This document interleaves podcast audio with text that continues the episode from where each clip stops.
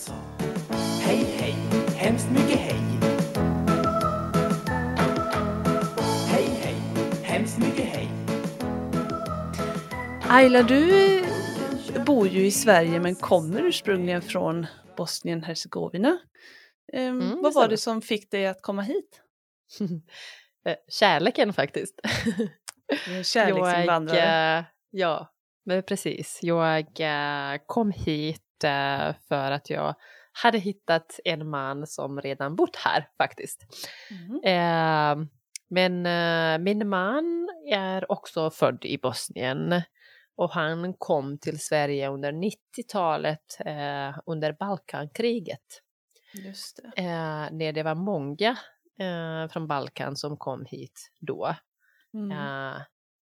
Du- var ganska liten då så jag vet inte om... Ja, om du men jag har kommer vuxit upp med ihåg. många. Jag har vuxit Ja, upp med precis. många som eh, kom på den tiden. Kanske haft några klasskamrater. Ja, klasskamrater, basketkompisar framför allt. Ja, för Det är precis. en stor sport i Bosnien. Precis, ja det är det. Mm. Eh, det. Var i Jugoslavien framför allt. Ja, just det. Mm. Ja. Eh, så ja, jag kom hit eh, eh, tio år sedan ungefär. Mm. Eh, och ja, här är jag. Eh, och eh, så många andra också som kommit hit av liknande eller helt andra anledningar. Precis, det finns ju många olika anledningar till att man flyttar, till, eller flyttar eller flyr till ett annat land. Då. Det är väldigt Mm. olika. Precis, och det är väldigt många som kommer just till Sverige. Mm. Vad kan det bero på? Ja, det dig.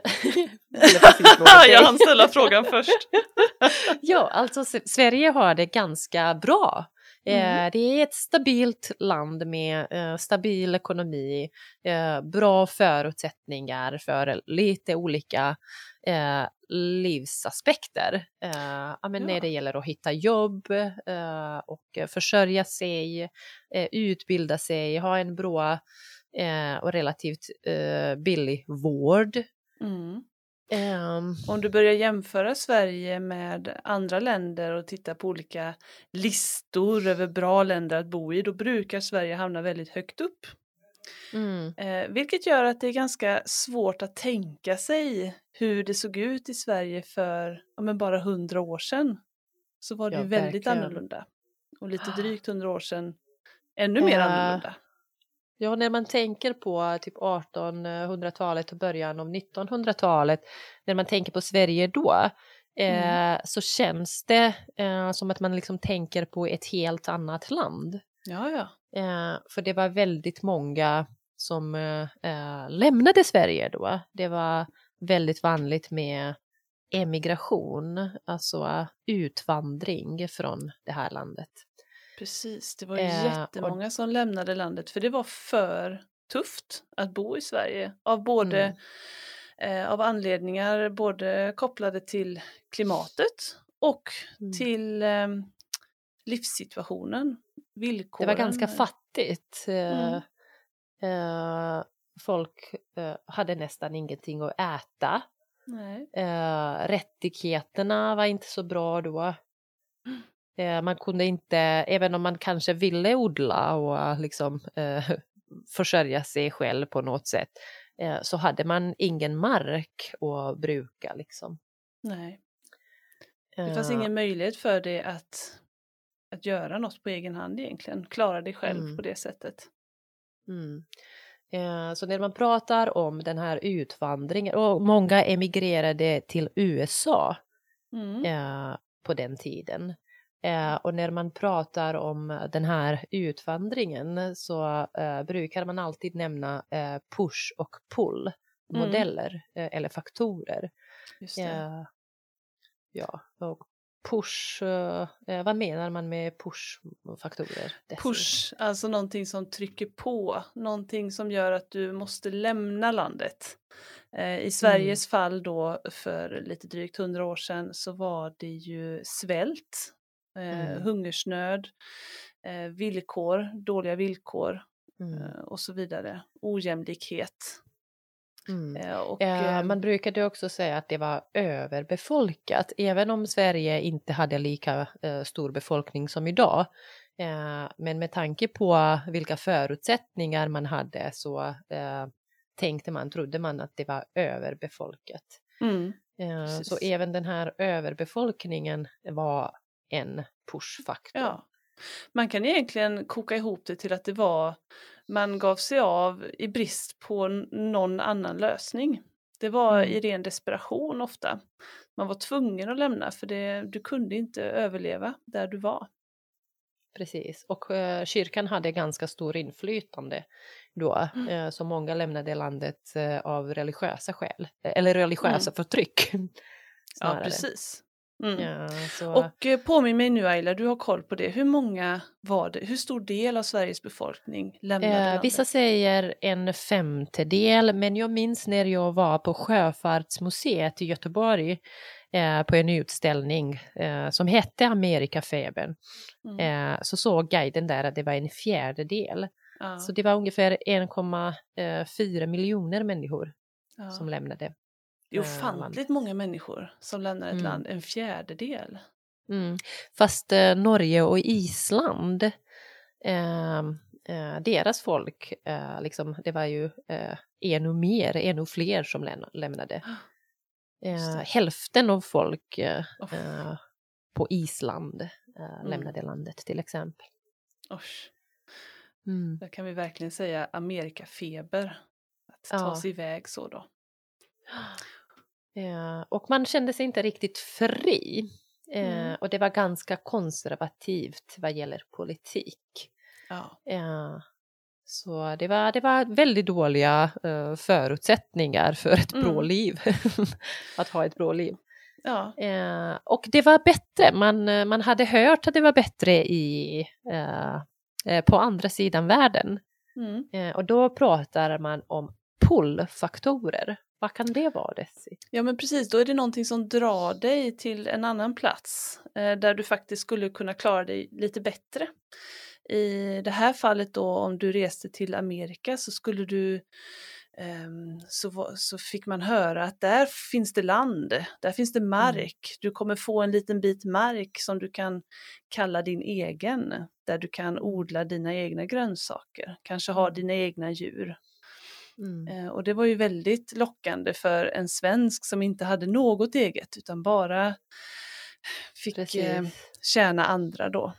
Till Ja, väldigt och det var nästan lön. gratis eh, Ja. i USA då att få Mm. det här billiga marken, odlingsmark.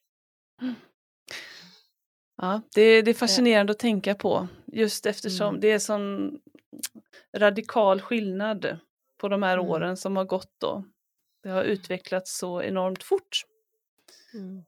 Precis, och, idag- liberalismen infördes också i USA så det var Mm. också en av anledningarna att folk åkte och flyttade just dit eh, i och med att man inte kunde känna sig så fri i Sverige på grund av eh, kyrkan och eh, den konservativa politiska situationen Mm. så valde man att flytta till en, ett mer liberaliskt land.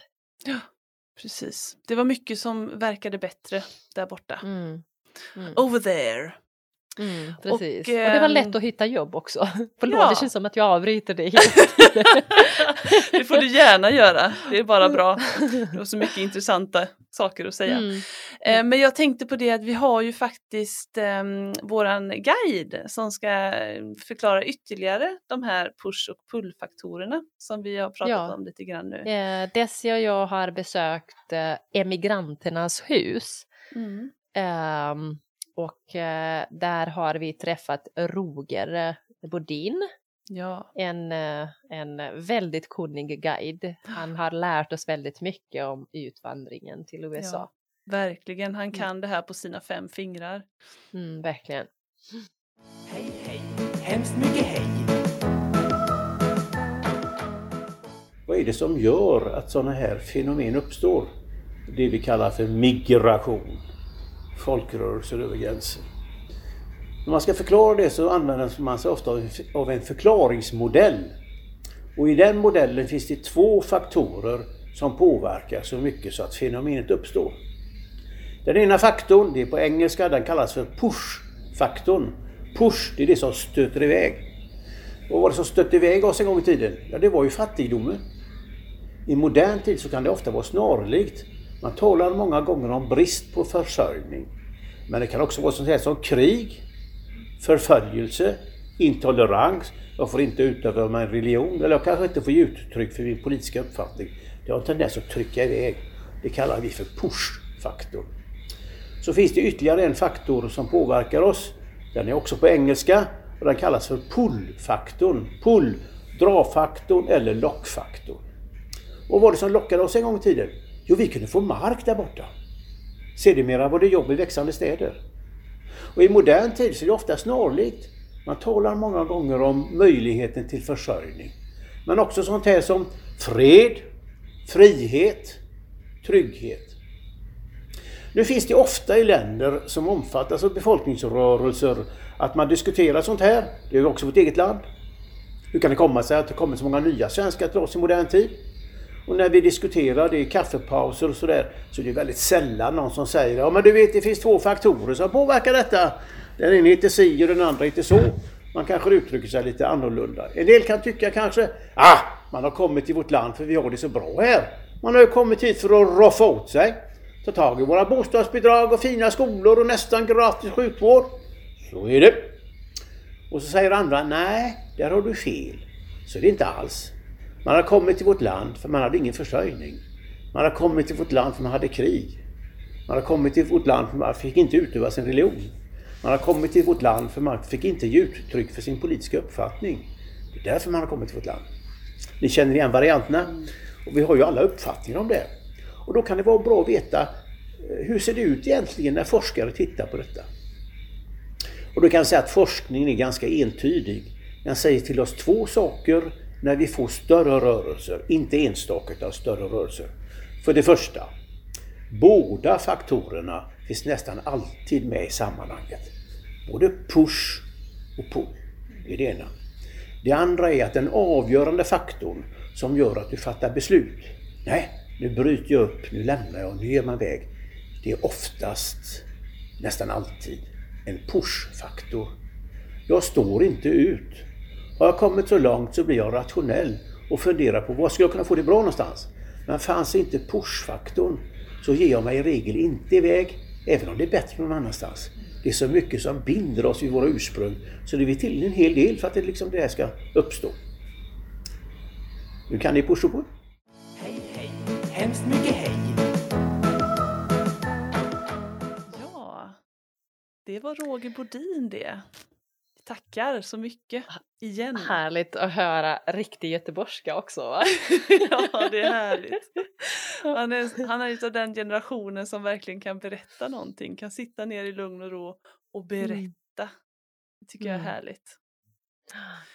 Väldigt Eh, mysigt eh, tyckte jag var det att lyssna på honom. Väldigt lärorikt framför allt. eh, Mm. Men också väldigt mysigt. Ja, lite mysigt. Vi kanske ska säga Mm. det också att det här lilla ljudet som man hör i bakgrunden det är från museets ehm, båt som Eh, står där. Båt, precis. Och eh, det ljudet man hör det egentligen eh, presenterar eh, råttorna som var väldigt vanliga eh, liksom på eh, båtar som man transporterades med till USA.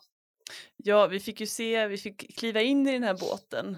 Eh, Mm. Roger visade oss där då och eh, se hur svenskarna och ja, med många andra emigranter levde under resan över till Amerika. Det var ju bara Mm. båt man kunde resa med. Och det var Precis. ganska hemska förhållanden. Det var sjukdom och det var eh, mörkt. Inte så och- mycket mat, det var mörkt och blöt och Ja. Ja. Eh, det var vanligt med åksjuka också som Mm. kanske Och dessutom de här råttorna som sprang runt. precis som spred sjukdomarna också. Så det var, Mm. eh, även om man var på väg till eh, kanske lite ljusare framtid så var det själva resan var inte så bekväm och härlig. Nej, verkligen inte. Mm. Och hade du otur så kunde du bli sjuk på resan och inte klara hälsokontrollen när du kom fram. För det var obligatoriskt fick vi lära oss att när du väl Precis. kom fram till Amerika så skulle du kontrolleras, alltså någon skulle kontrollera din hälsa. Och om du då Mm. inte mådde bra, då fick du åka tillbaka hem till Sverige. Mm, precis. Eh, så man, eh, man brukade eh, först komma till eh, Ellis Island, Ellis Island, eh, som, ja, alltså den ligger strax utanför Manhattan, nära Frihetsgudinnan. Mm. Eh, och där brukade man utföra den här hälsokontrollen. Mm. Mm, Kan du tänka dig Ja. att få ett nej där? Åka Mm. tillbaks, samma resa tillbaka. precis. Mm. Mm. Fruktansvärt. Ja, Mm. väldigt, väldigt Och där brukade inte bara liksom, eh, eh, man brukade inte bara kolla hälsan där, utan man brukade kolla också eh, dokument, alla papper man hade med sig. Just det. Eh, och så får man en inskrivningsnummer. Just det. Så det Eh, gäller att ha ordning på sina papper.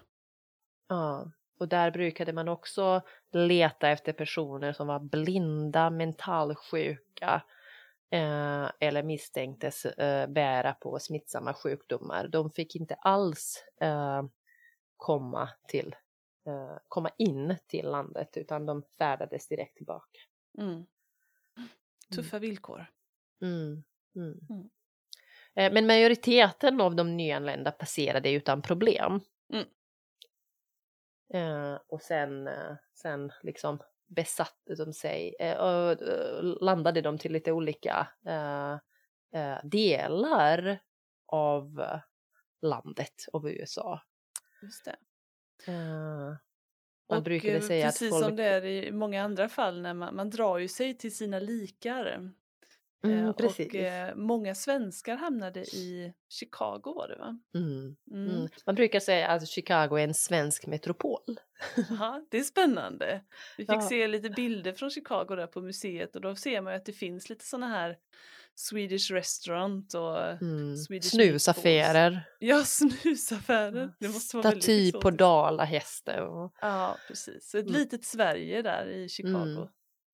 mm. Ehm, Eh, och det, man brukade säga att, att det bildades eh, kolonier mm, eh, och eh, eh, om de här kolonierna kunde försörja nya som kom så kunde de ju stanna kvar där. Men eh, om, eh, om de här kolonierna inte hade tillräckligt med försörjning, försörjningsstöd, liksom mat och eh, jobb och sånt, mm. eh, så brukade de här kolonierna flytta eh, västerut. Just mm. det. Och hur gick det för svenskarna då? Där borta? Det gick eh, ganska bra. Mm. USA eh, var då alltså ett land där eh, industrin växte väldigt fort. Eh, så de behövde väldigt mycket arbetskraft. Mm. Och det var inga problem att få jobb. Och svenskarna arbetade väldigt mycket inom byggbranschen då. Och svenska kvinnor arbetade oftast som eh, husor, som eh, pigor. Just det. Mm. Eh, och ehm, mm, det, var, det gick bra, även om det fanns lite fördomar om svenskarna. Ja, just det. Vi, vi var ju lite dumma, eh, kunde inte språket och såg lite annorlunda ut. Kanske såg lite, Mm. jag kan tänka mig att svenskarna såg lite lantliga ut när de kom till Mm. stora New York och Chicago. Det är som att de kommer från landsbygden Sverige, inte landet. Mm. Mm, precis, och man brukade kalla dem för eh, stupid Swede, dumb Swede. Ja. Ja, det är de negativa, det fanns både positiva och negativa fördomar. Mm.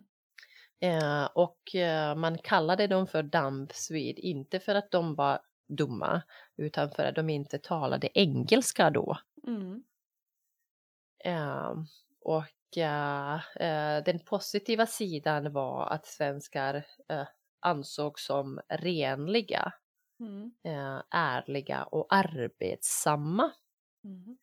Eh, och eh, de svenska flickornas eh, hög arbetsmoral och goda kunskaper gjorde att de i många fall var eftersökta som pigor. Just det. Ja. Mm. Det är ju det Ehm, här och- att när, ehm, när man, man har ett sånt här in och utflöde av olika människor som kommer från olika platser. Det är väldigt lätt att man börjar prata om vi och dem Mm. och att man, eh, ja men de är så här och vi är så här och det här är skillnaderna mellan oss. Nej, men precis. Jag tror att man gör det bara för att man är lite rädd för det Mm. nya. Ja, kanske. Man försöker Mm. liksom ehm, stoppa in det i sin förklaringsmodell, sin hjärna, som ska Mm, förstå. Precis. Och vi är väldigt bra på att liksom, eh, på fördomar. Att Ja. uttrycka massa för, att tycka mycket. Ja. Utan att man ens Utan ett bra underlag. Nej men precis. ja. Eh, men eh, James Hill, eh, han som byggde Great Northern eh, Railroad, Mm. den stora eh, eh, järnvägen. Mm. Den som förbinder Minnesota och nordvästra USA. Han brukade säga eh, Ge mig bara snus, whisky och svenskar så kan jag bygga en järnväg till helvete. så, eh, så de ansågs som väldigt liksom, bra arbetare. ja, Eh, ja. Det finns ingenting som eh, svenskar inte kunde bygga. det är klart, de, som kom dit, de svenskar som kom dit var ju arbetssvenskar. De hade haft ett tufft Mm. liv, de var vana vid att Mm. arbeta. Så att, eh, det förvånar mig egentligen inte. Mm. Eh, och så har det gått bra för många. Eh, för många har det gått lite sämre också. Eh, precis så som det brukar göra. Om man Ja. kollar lite eh, på de som kommer hit så eh, idag. Eh, så går det väldigt bra för vissa. Eh, vissa klarar det kanske lite sämre. Och det är alltid så med folk som emigrerar. Det Ja. kan aldrig liksom gå jättebra för varenda människa som, Nej. eh, Det är som flyttar. Inte ens om man stannar liksom i sitt land så, och så är det bra förutsättningar i samhället för alla.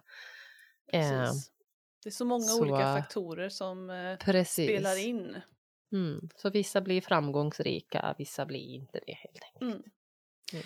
Och ehm, eh, våran guide Roger Bodin här då, återigen, han, han eh, pratar lite om det här eh, om eh, att kunna leva tillsammans och respekt Mm. och tolerans. Jag tycker han pratar väldigt fint om det. Ska vi lyssna på det Mm. också? Jättegärna. Hej, hej, hemskt mycket hej.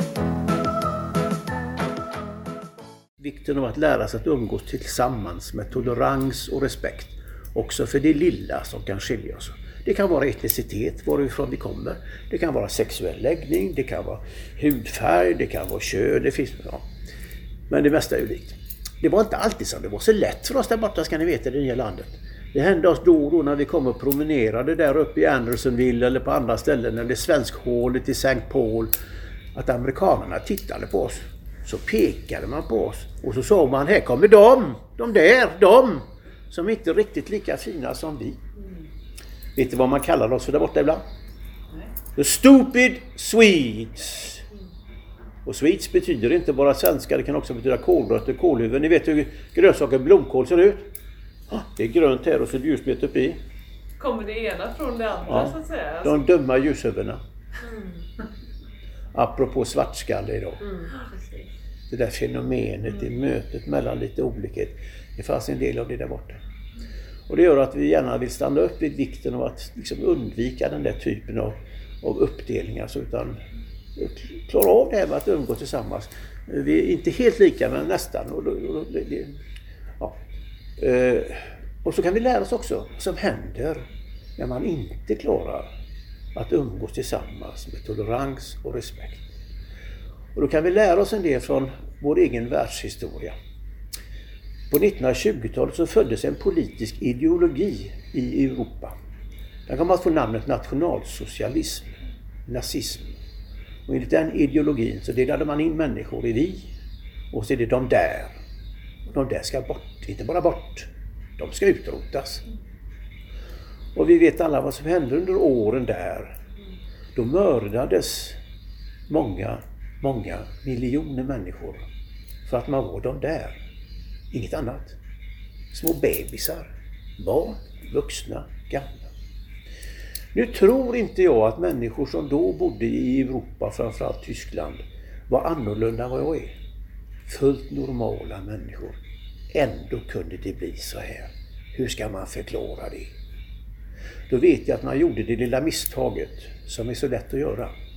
I början på den här ideologin så sa man till varandra, ja men det är så lite, det är så obetydligt, det kommer att försvinna.